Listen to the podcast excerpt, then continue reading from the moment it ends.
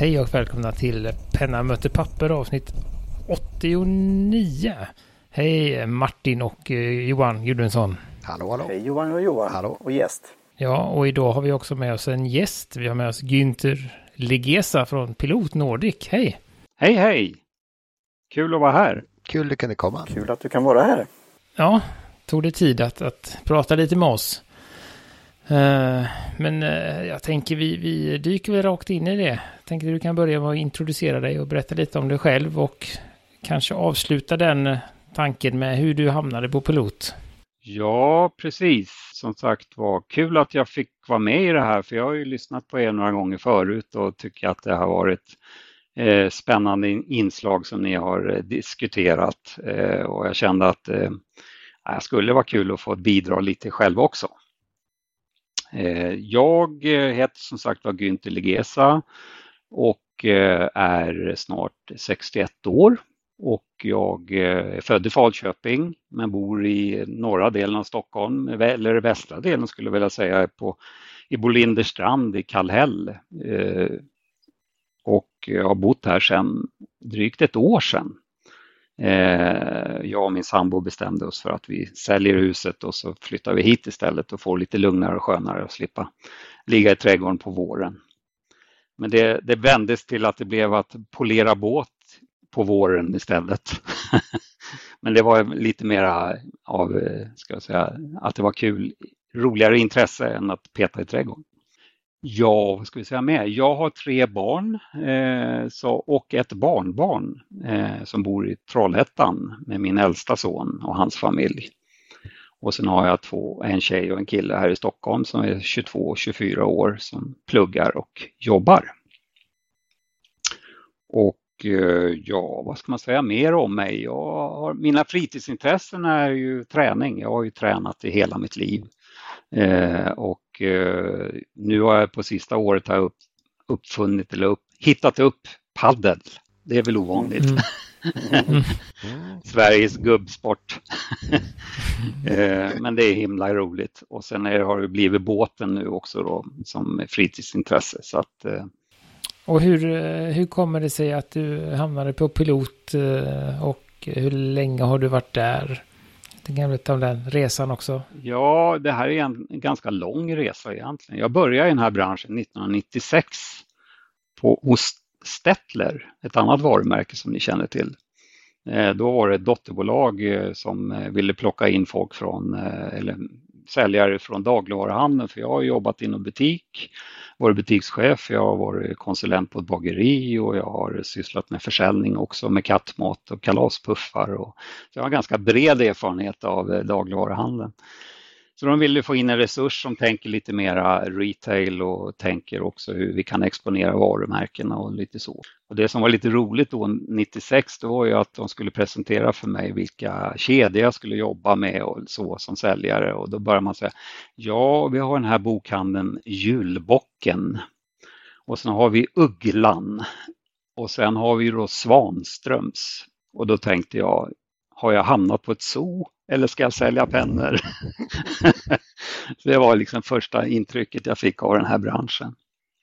Men det var var så, så pass bra så att jag hamnade där, eh, har blivit kvar där eh, sedan 96.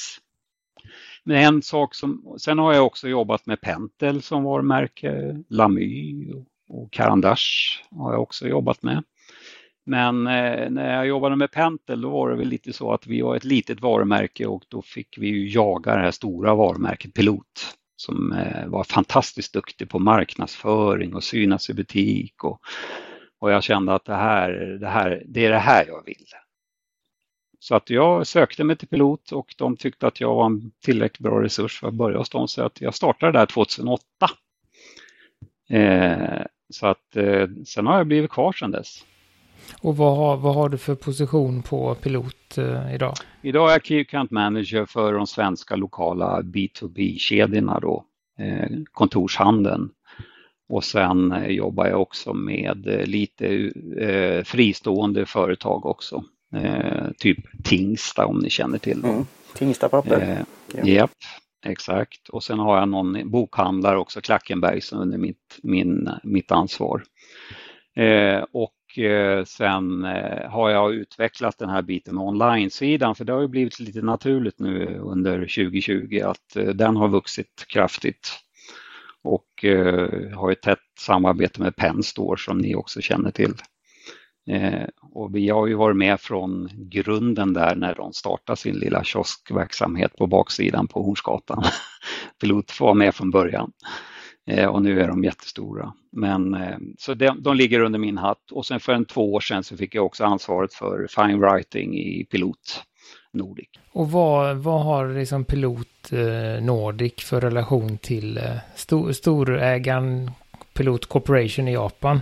Är ni, är ni eget bolag eller del av dem? Eller hur, hur ser den strukturen ut där?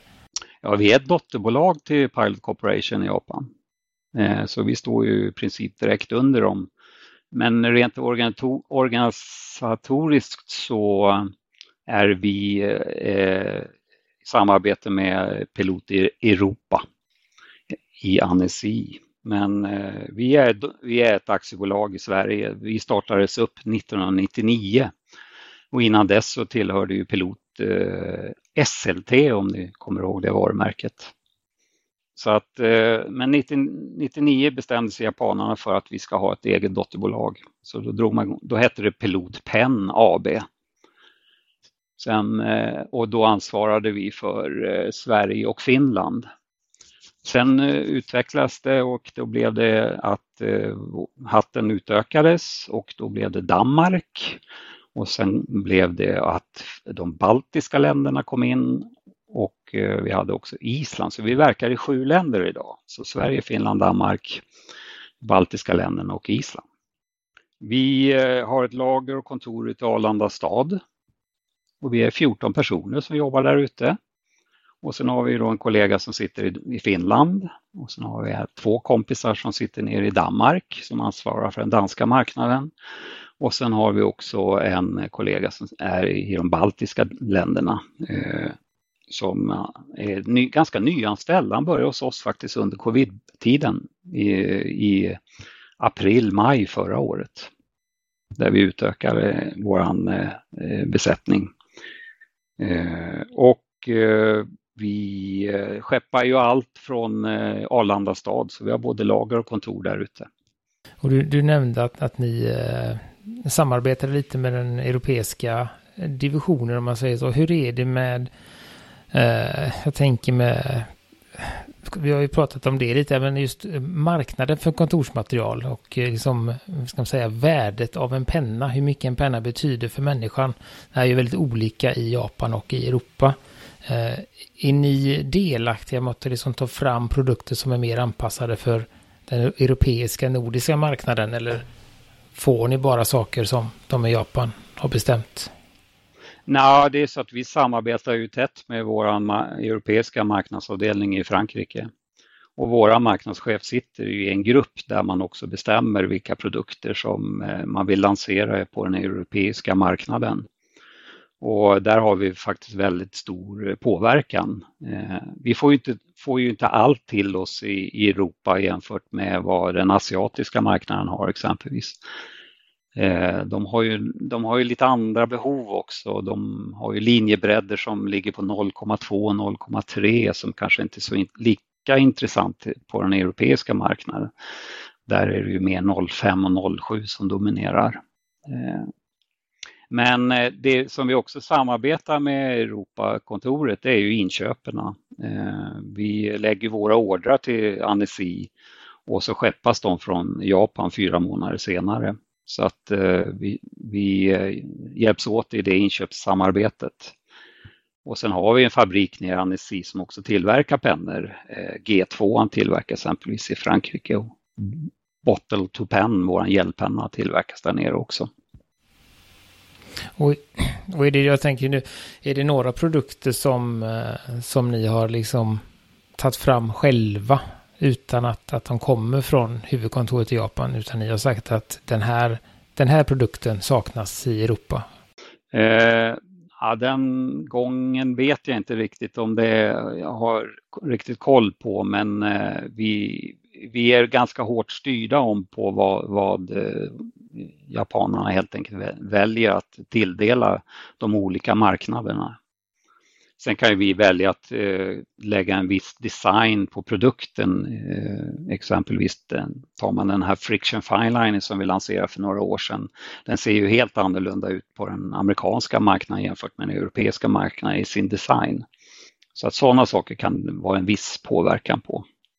Eh, jag funderar, du pratade lite om, eh, nej men du pratade om att, att eh, Pilot hade, hade en fin marknadsföring och de syntes mycket och det var en stor del till att du ville vara där. Och, eh, ni är ju ganska ändå aktiva på, på sociala medier som till exempel Instagram som är min, eh, min plattform som jag följer. Eh, det jag har märkt är att det är väldigt stort fokus på, eller nästan enbart fokus på de billiga delarna. Som Bottle to Pen eller Pintor eller den biten där. Ehm, ehm, hur, kom, hur kommer det sig? Är det bara att, att den delen mark, eh, trycker så hårt på, det inte finns så mycket fine writing och reservoarpennor där? Ja, det är väl så att vi har väl märkt med tiden att eh, de här olika sociala mediekanalerna lämpar sig för olika produkter. Det vi har sett med fine writing, eh, det är ju att det är LinkedIn, eh, businessfolket. Det är där vi sätter vårt eh, fokus. Eh, ibland händer det väl att eh, när jag tjatar lite extra kan du inte lägga in någonting på Instagram också så jag får synas lite som jag säger till min kollega.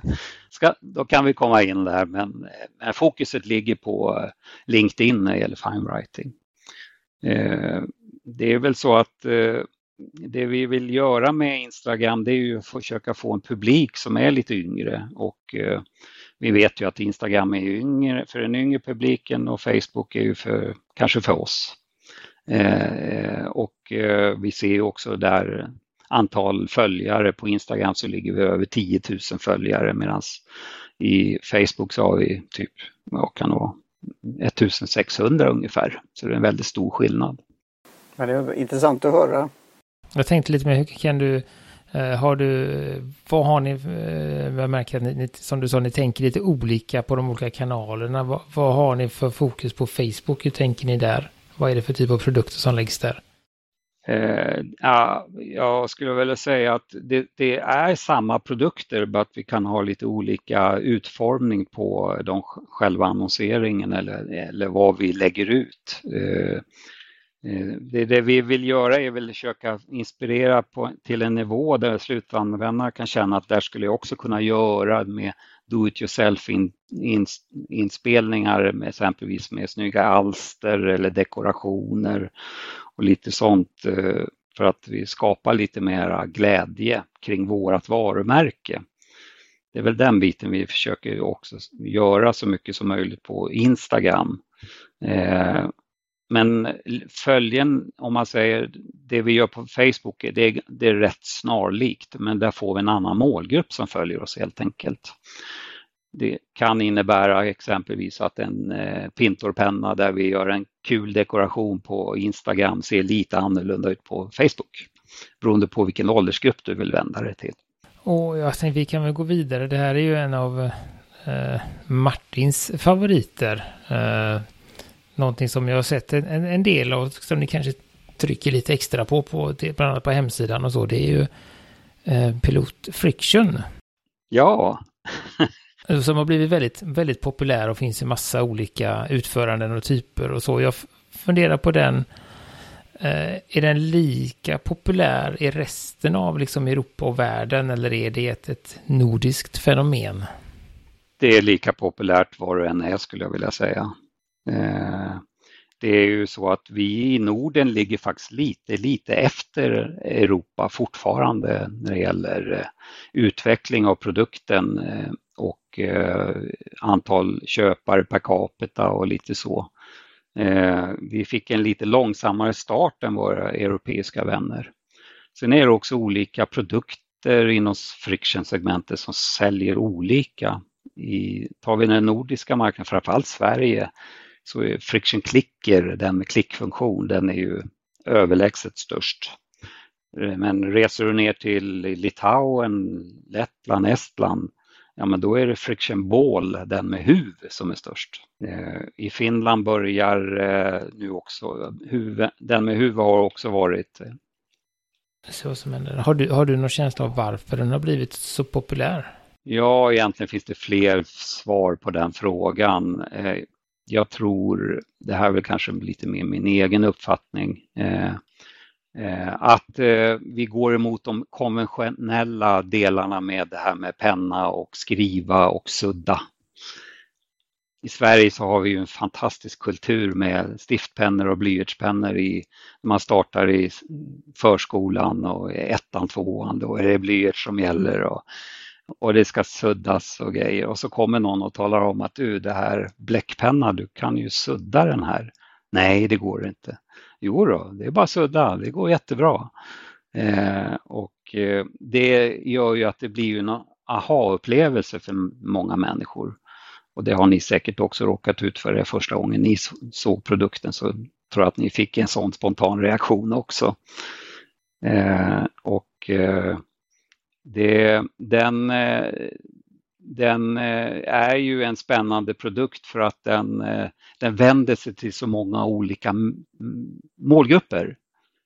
Nu I vår marknadsföring där riktar vi in oss på 18 till 24-åringar exempelvis. Då. Men det vi ser idag det är ju att den är ju, den är ju så bred så att den är ju till och med på offentliga upphandlingar så är Friction med också. Eh, vilket också är spännande. Det trodde vi aldrig för fem år sedan. Att nej, men den där kommer aldrig att bli en statlig produkt för att den kommer att vara alldeles för dyr. Men nej, nej, den finns där också, vilket är spännande. Eh, det, det skillnaden är, för att dra lite snabb historia kring den här produkten, det är ju att när vi lanserade den här 2007 skulle jag vilja säga, 2006-2007, eh, då, då fanns det ju en produkt redan på marknaden som var suddbar. Eh, och den var ju väldigt hårt inriktad på korsordspennor eller korsord eh, och många pensionärer älskade den pennan och det gick sudda och det var ju fantastiskt. Men vi, vi tänkte att vi ska inte låsa oss i det, det, det, den delen av eh, användandet av produkten, så vi kallar den här raderbar kulspetspenna. Och det har ju varit en räddning för produkten att den blivit så populär att folk inser att eh, ja men just det, jag kan ju använda det här i min dagliga vardag också. Jag kan ju faktiskt använda det på kontoret, inte bara till korsordet. Men eh, det tog nog 6-7 år innan det började lossna för produkten. Så att marknaden var, var, var väldigt trög och så fanns det som sagt var ett annat varumärke som hade en, en, en liknande produkt. Men det som skilde var väl de två olika teknikerna man, vi har. Den, den finns ju fortfarande kvar den produkten men den har väl nästan försvunnit skulle jag vilja säga, utraderad av friction. eh, Ja, det var ju fyndigt tror jag. Mm. Eh, vi fick ju eh, av, för ett tag sedan fick vi lite produkter av er marknadsavdelning. Ni var ju sponsorer av oss ett, ett tag, där, några program. Eh, det var ju väldigt roligt, men det jag funderade på det var ju att eh, ni tryckte väldigt mycket på den här miljöaspekten och ni skickade Big Green-serien till oss. Eh, men det fanns ingen friction med. Hur, hur kommer det sig att, att den inte, den som är så populär inte är med i, i den här serien? Ja, men det är så faktiskt att vi har ju vi, vi är ju medvetna om att produkten i, i tidigare inte har haft återvunnet material, ska jag säga idag. Vi har redan påbörjat det arbetet. Eh, med Friction Ball, den med huv. Den har faktiskt idag 50% återvunnet material. Eh, men den har ju liksom inte slagit lika bra här i den nordiska marknaden och eh, i och med att den är så dominerande på världsmarknaden så har japanerna valt att börja med den. Sen är det ju så att plast och återvunnet material det är ju en bristvara idag. Med den kvaliteten som pilot vill använda sig av, den är, ju, den är ganska svår att få tag i. Vilket gör att vi prioriterar lite andra produkter i, i, före friction eh, kring det här. Eh, så att det, det är helt enkelt råvarubristen. Det är den som är den stora boven. Och, och hur, eh, jag vet vi pratade med Mattias på Barograf när han var här om deras nya eh, penna också. Eh, och hur, hur är hur tänker ni i övrigt när det gäller eh, hållbarhet och så och fram igenom här? Hur, Eh, ni har ju ett lite, ska man säga, bredare sortiment än vad, vad Ballograf har. Men, men hur, hur, hur ja, vad har ni för planer? Ska 100% bli miljö, hållbart eller hur, hur, hur är tanken? Ja, vi har ett jättestort fokus på det här. Vi har ju jobbat med eh, återvunnet, återvunna plastprodukter eller vad ska vi säga, Big Green som vi kallar det då. Det är ju vårt varumärke för återvunnet material. Eh, och det ska ju vara minimum 70 procent återvunnet material ex, exklusive utbytbara delar.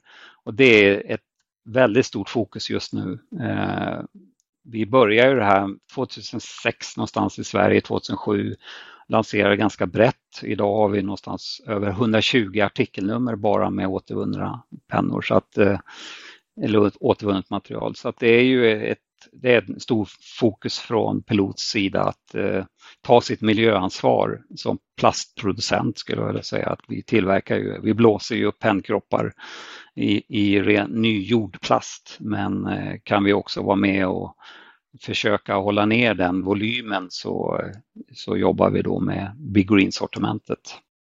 Och du nämnde ju den eh, G2 Bottle to Pen, att den gjordes i, eh, i Frankrike, sa du va? Eh, har ni några andra produkter som produceras i, i vad säga, den inre marknaden på e, i EU?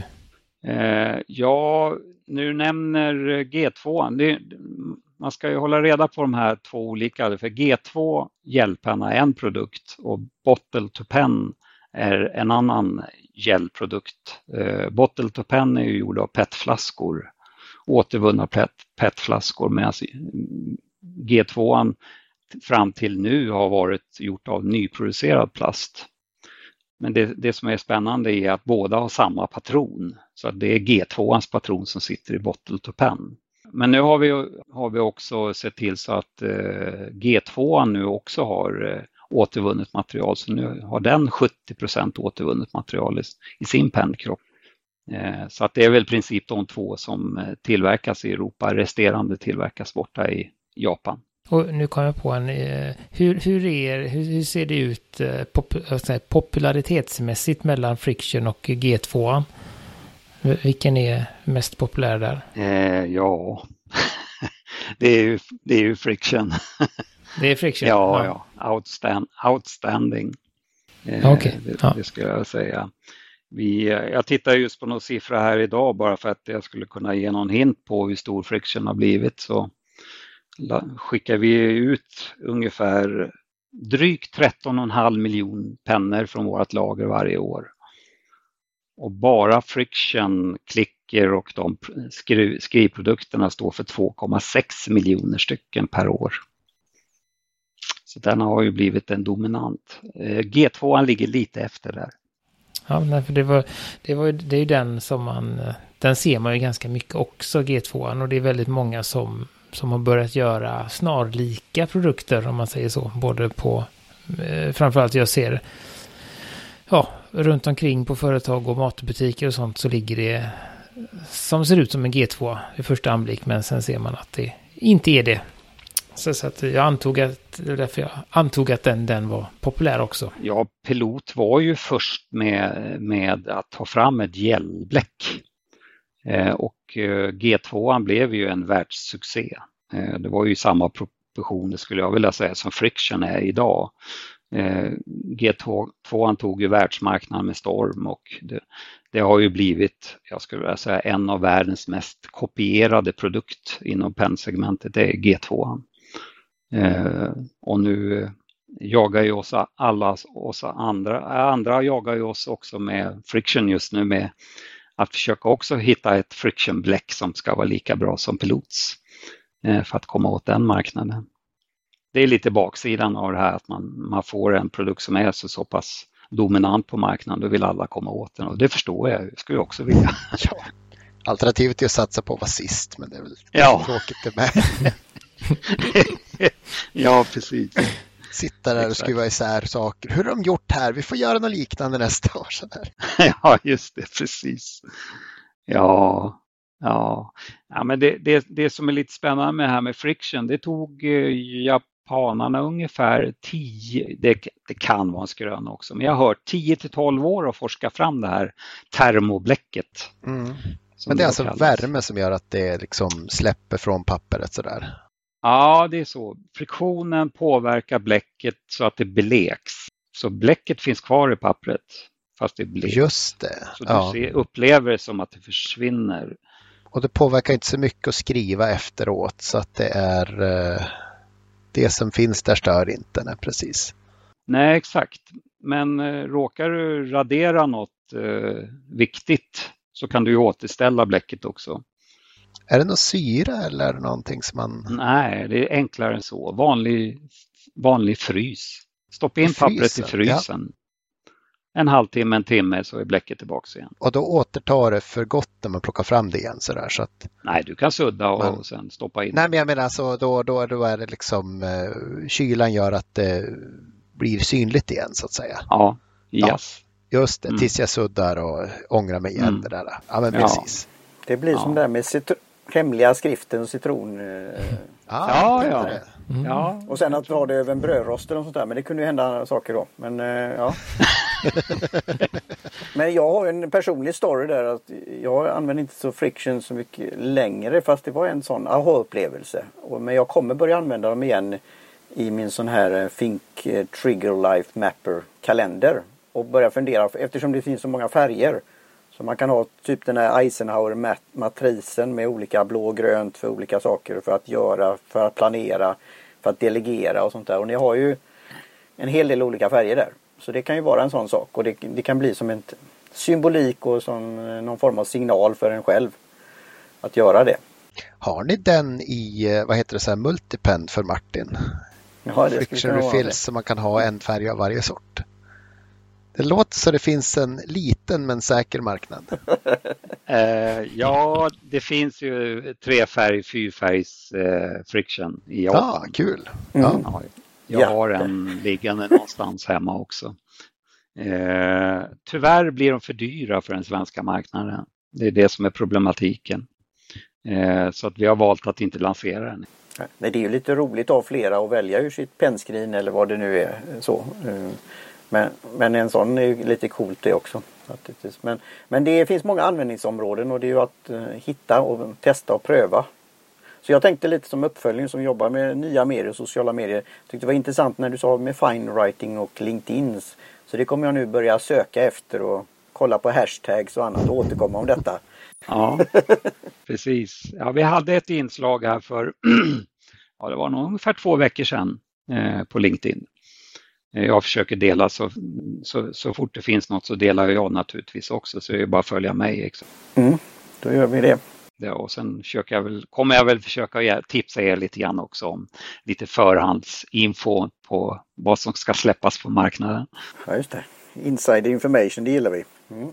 Nej, men jag, funderar, jag funderar på det, du nämnde det lite där Günther, där med, med den här multipen friction och så, för just det finns ju ett enormt gigantiskt o, nästan otumbart utbud i Japan och så är det en ganska liten del av det som kommer till Europa och, eh, och Norden då. Vad, är det, nu nämnde du att, att pris till exempel, eh, är det, är det, går det mycket på pris eller vad, vad är det för anledningar till att vi har så liten del av den här goda kakan?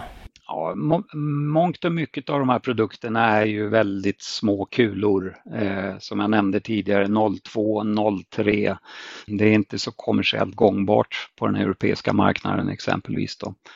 Nu börjas det efterfrågas mer och mer extra fine, ultra fine. Eh, börjar smyga sig in eh, och eh, det är inte omöjligt att, att det kan dyka upp lite sådana produkter.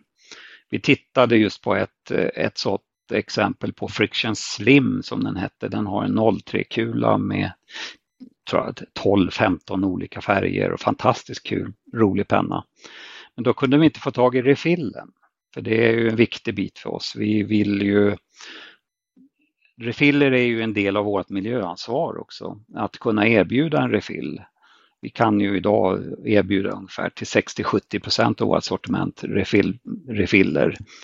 Eh, och målsättningen är att vi ska kunna erbjuda fler. Men där fick vi inte tag i en refill så då sa vi att då lanserar vi den helt enkelt inte. Eh, det vore fel att ha en friction-produkt som inte finns i refill. Kände vi. Och, och, och hur, är, eh, hur går tankarna när det gäller då fine writing och reservoarpennor? För där är det också en, en bråkdel av marknaden som har kommit hit.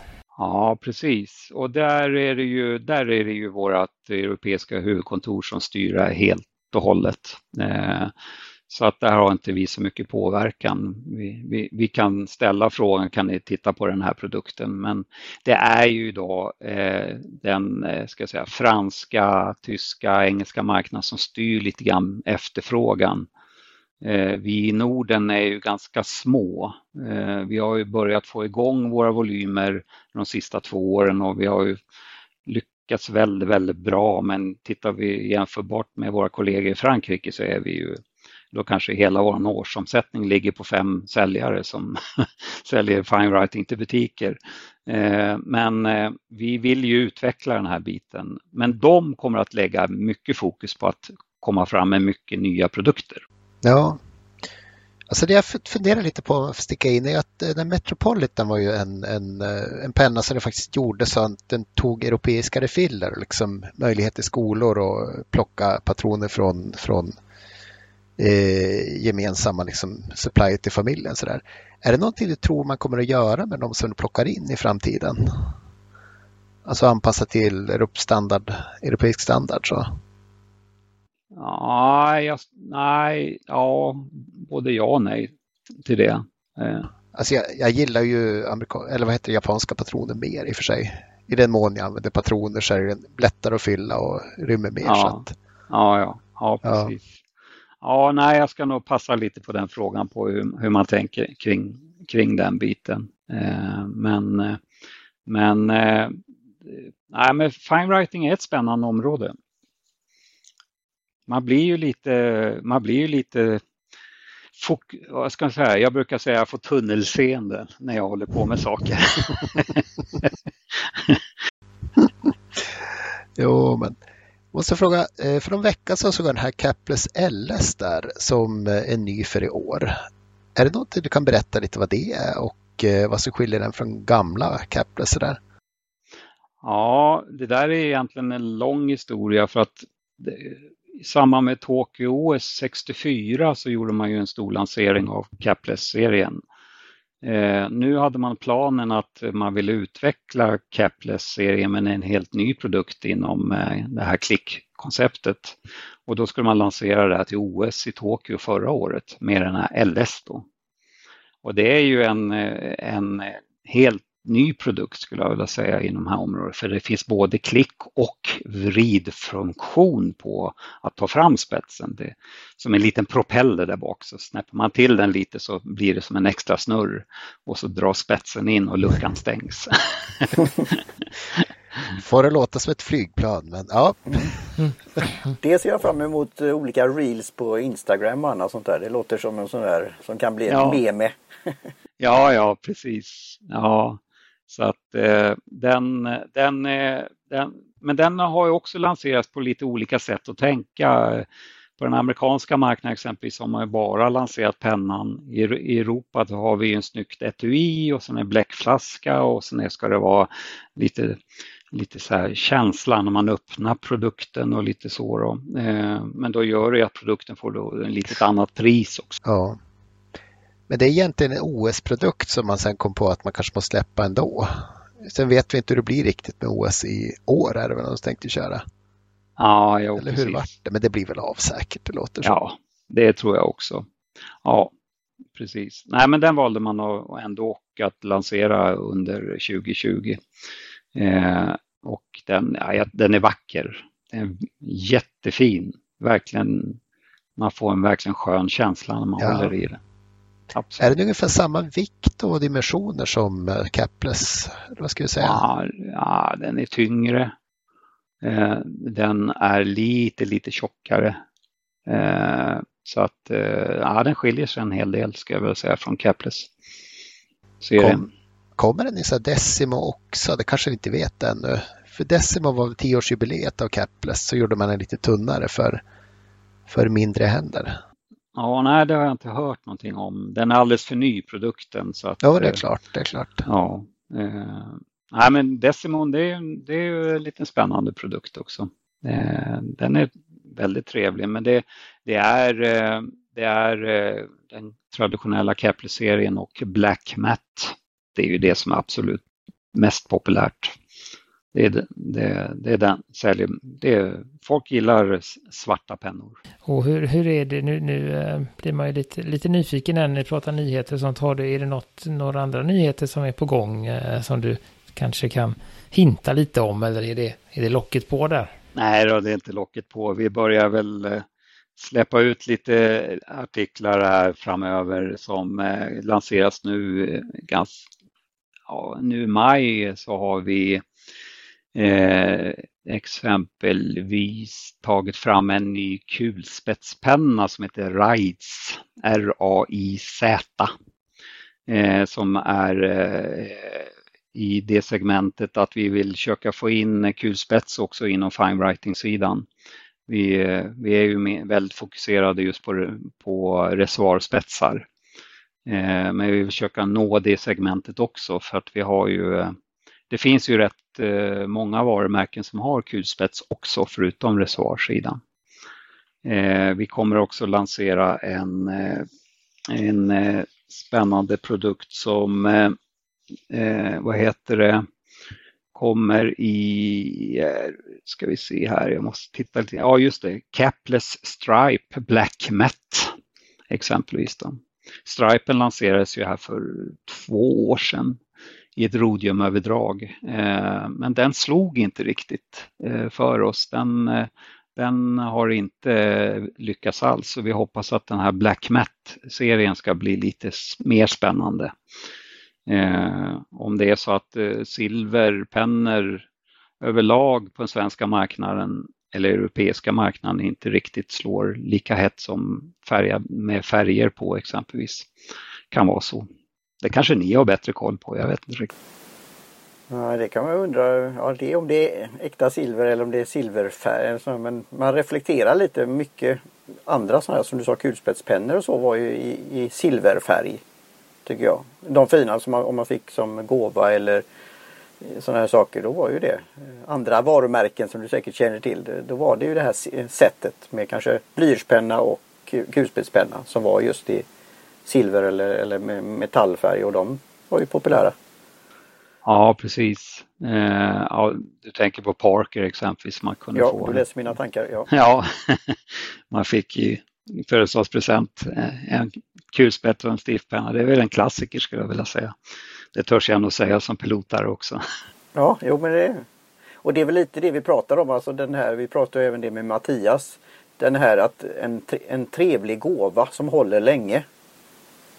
Alltså, det borde ju vara enorma möjligheter. Och sen då som den här podden heter då Penna möter papper. Vad som händer när man får friktion på pappret. Ja, ja. Om man suddar eller inte. Alltså ja. det är ju något speciellt. Ja, ja, ja absolut. Absolut. Eh, och sen eh, det sista vi kommer nu, i, som jag vet, så lanseras nu, kommer väl bara skickas från Frankrike första september. Det är ju limited edition på Capless. Då. Den är ju fantastiskt populär. Eh, den, eh, det är ju årtalet blir ju också antalet som tillverkas världen över så att eh, 2021 blir 20, 2021 pennor som ska tillverkas. Så den släpps i september. Och den brukar vara väldigt populär. Och årets version ser väldigt spännande ut. Så mycket kan jag säga. det, låter, det låter lite som din, när din resa startade, det andra varumärket då, eh, Lami. Alltså det här med färger, olika färger och olika editions. Och, ja, det är bra med friendly competition tycker jag. Ja, o ja, o ja. Menar, LAM är ju duktiga. De är ju ett varumärke man ska ha respekt för, tycker jag, som konkurrent. På pilotsidan, alltså ni har ju väldigt mycket, du sa Penstorm, men finns det tillhörande anteckningsböcker och sådana här saker för era skrivdon? Nej, vi, vi marknadsför ingenting sånt. Vi är rent pennspecialist. Eh, på sin höjd eh, en korrigeringsroller som sticker ut utanför sortimentet eller en tavelsudd. Så att eh, nej, vi har ingenting sånt. Eh, I Japan finns det mer naturligtvis för de har ju, vi har ju en katalog som är 12-13 centimeter tjock från Japan. Där finns det massa godsaker. ja. Till och med dockor där man färgar håret. Eh, och så värmer håret så får det en annan färg. Det har de också. Med friction, bläck kanske. Ja.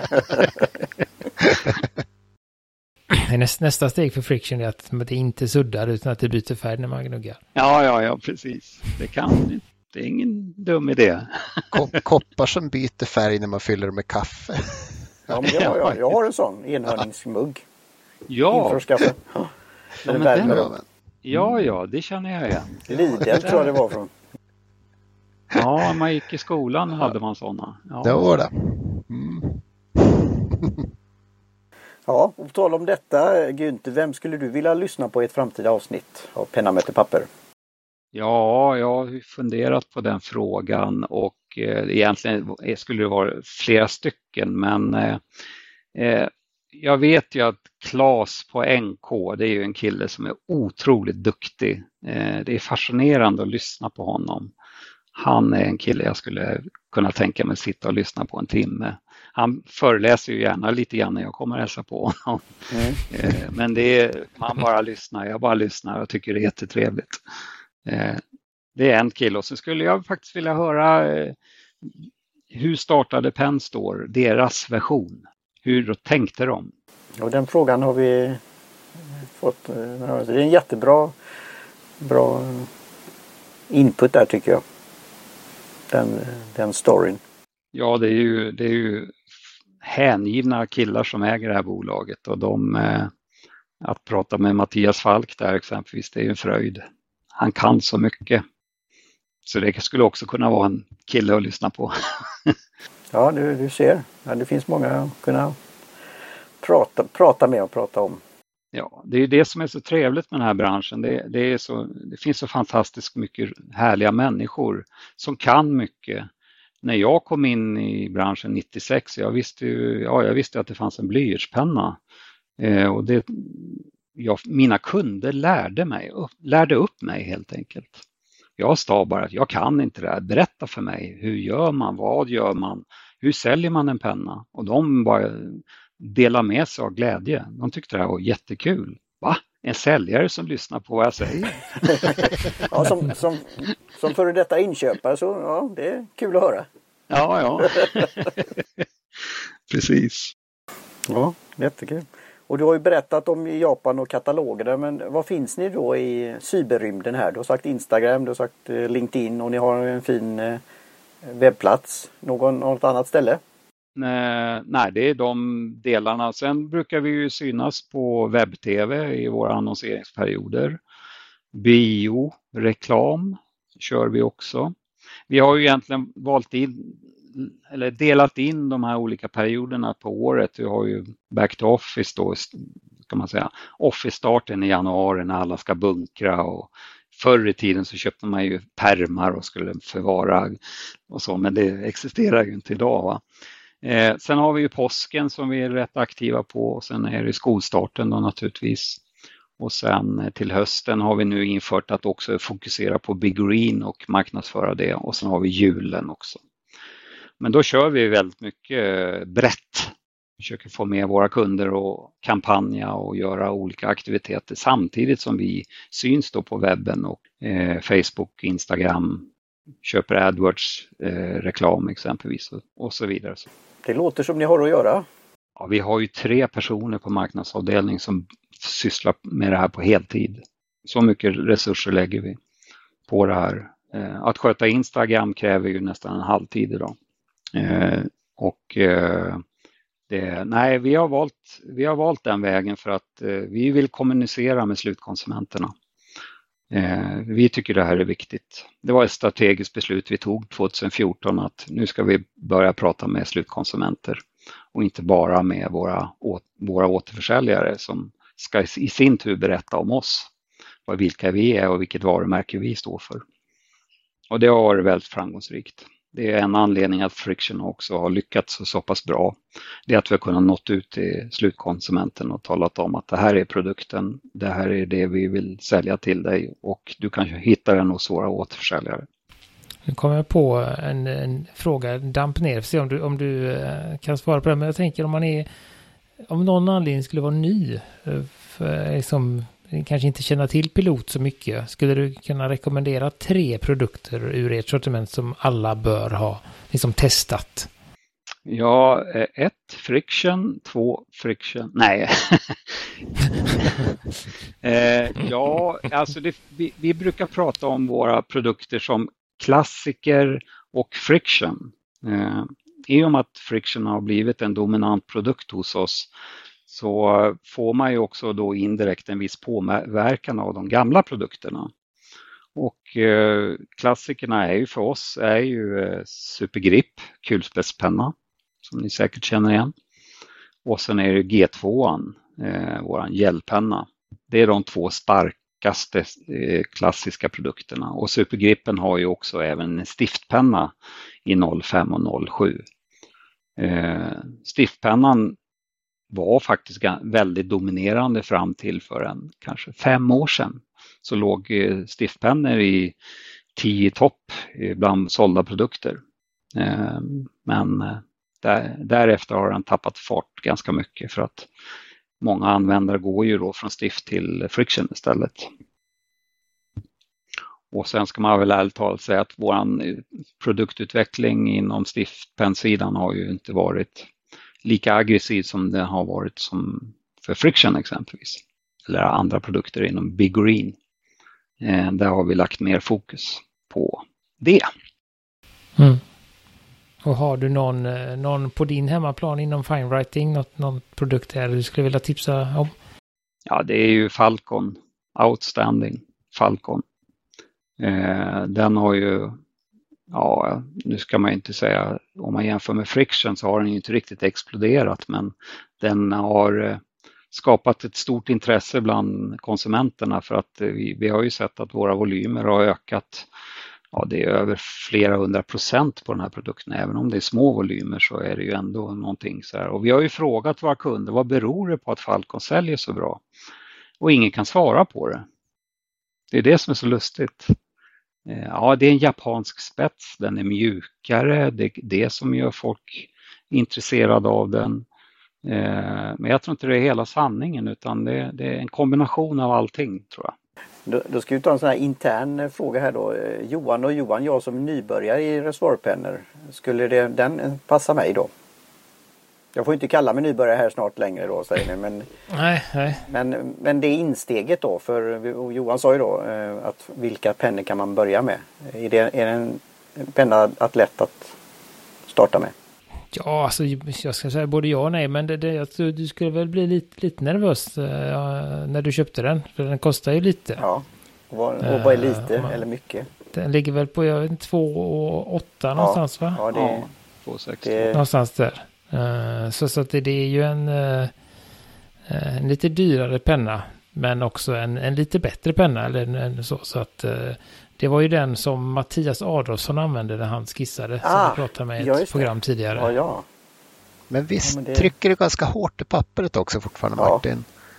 Då tror jag nog att det kan bli extra nervöst där för det. För att ja, kan det, den bli då... lite platt och då tappar ja. den lite Ja, men då vet jag det. Då, eh, då har vi det klart. Men det, då har vi då sådana som vi har blivit inspirerade när vi startade den här podden som är väl fortfarande Sveriges enda pennpodd och papperspodd och Sveriges första. Men det finns ju andra där ute i världen. Internationella. Har ni sett eh, sådana som har pratat om det i eh, pen, pennpoddar internationellt om den här pennan Falcon? Nej, men eh, jag tror väl att, att eh, Falcon, det är väl mycket den att den har, eh, det är väl det närmsta man kommer en bra flex på en modern penna. Jag, jag tror att det är det den, den går mycket på. Uh, att, att den har den här mjukheten och man kan få en viss linjevariation som är ett lite sånt efterfrågat funktion som, var standard på alla gamla pennor. Men som man av någon anledning har glömt hur man gör sådana spetsar. Eh, och går på, på lite hårdare, styvare spetsar då. Eh, Sen finns väl, om jag inte missminner mig, Falcon även utan den här mjuka spetsen va? Ja, en stabb nibb ja. Ja, att den finns den här, att den finns också en stiff som inte, som inte viker sig lite. Ja, så att... ja, precis. Men om du är, Martin, om du är riktig nybörjare då kanske du inte ska gå på den för det kan vara lite svettigt att slänga upp 2600. Men... Ja, det är det. Ja, ja. bli sponsrad. Jag, jag ja. började ju med Lame, det är ju det som är min eh, ingång och sen lite andra. Men det är bra att se att det finns pennor för framtiden också. Och då kan väl du så eh, avsluta med, som kanske skulle vara början då, det här med namnet pilot. Kan du inte dra den historien, Günther? Ja, just det. Ja, det, det, är, det finns ju lite olika versioner på det, men, men grundarna var ju två eh, herrar eh, som eh, var fartygsingenjörer som jobbade ute på vattnet och de hade väl lite problem med, med att på den tiden då menar, pilot grundades ju 1918 och då fanns det inte kulspetspennor utan då var det ju reservoarpennor som gällde. Så att de, eh, de hade ju problem med att den rostade deras penna så att de tyckte att det här måste vi kunna göra lite bättre. Så man började åka runt och titta på lite andra material eh, och rodium var exempelvis ett som man såg var väldigt hållbart. Eh, så, så, att man tog den biten med att eh, försöka att skapa någonting som är bättre än det som finns helt enkelt. Men så vid ett tillfälle så råkar man ut i sjönöd och eh, eh, man fick enorma problem med att försöka egentligen klara livhanken. Men då finns det ju de här pilotbåtarna som det kanske, det finns en i Göteborgs skärgård bland annat, eh, som eh, räddade det här den här båten från att kapsejsa. Och då tyckte man att det här är ju någonting som är fantastiskt bra. De har räddat vårt liv och vi ska rädda människors liv med att få tag i fantastiskt bra produkter. Så att då kallar vi oss för pilot. Mm. Ja, Men det är en liten skröna skulle jag vilja säga. Ja. Men det är en kul story att berätta. Ja. Det, det, var lotsen och inte flygplanspiloten i alla fall till slut. Oh. Yeah. Ja, ja, precis. Jo, det, pilot kan ju förknippas med andra grejer. När jag träffade min nuvarande sambo så presenterade hon mig för sin kompis dess familj och då var det en kille där på 8-9 år som hörde att Wow, jobbar han som pilot? nej, nej, nej, det är pennor. Åh nej, vad tråkigt. Ja, det, det är lite, lite långt ifrån de två drömyrkena när man, är, när, man är, när man är ung. Att bli pilot eller bli pennförsäljare för pilot. Det är inte riktigt samma, samma drömstatus på de två. Men sen måste du väl ha sett all den här glädjen då Günther med, med barn som skriver och ritar och tecknar. Det, det måste vara något. Ja, jo det, det är ju fascinerande och just i våra samhälle idag också med tanke på hur mycket teknik vi har Eh, så har det ju blivit ännu mer populärt att skriva och kreera och bullet journal och allt det här koncepterna som man håller på med idag. Eh, så det är ju, det är ju eh, verkligen, vi försöker ju olja på det här så att folk tycker att det här är ännu roligare såklart med våra marknadsföring.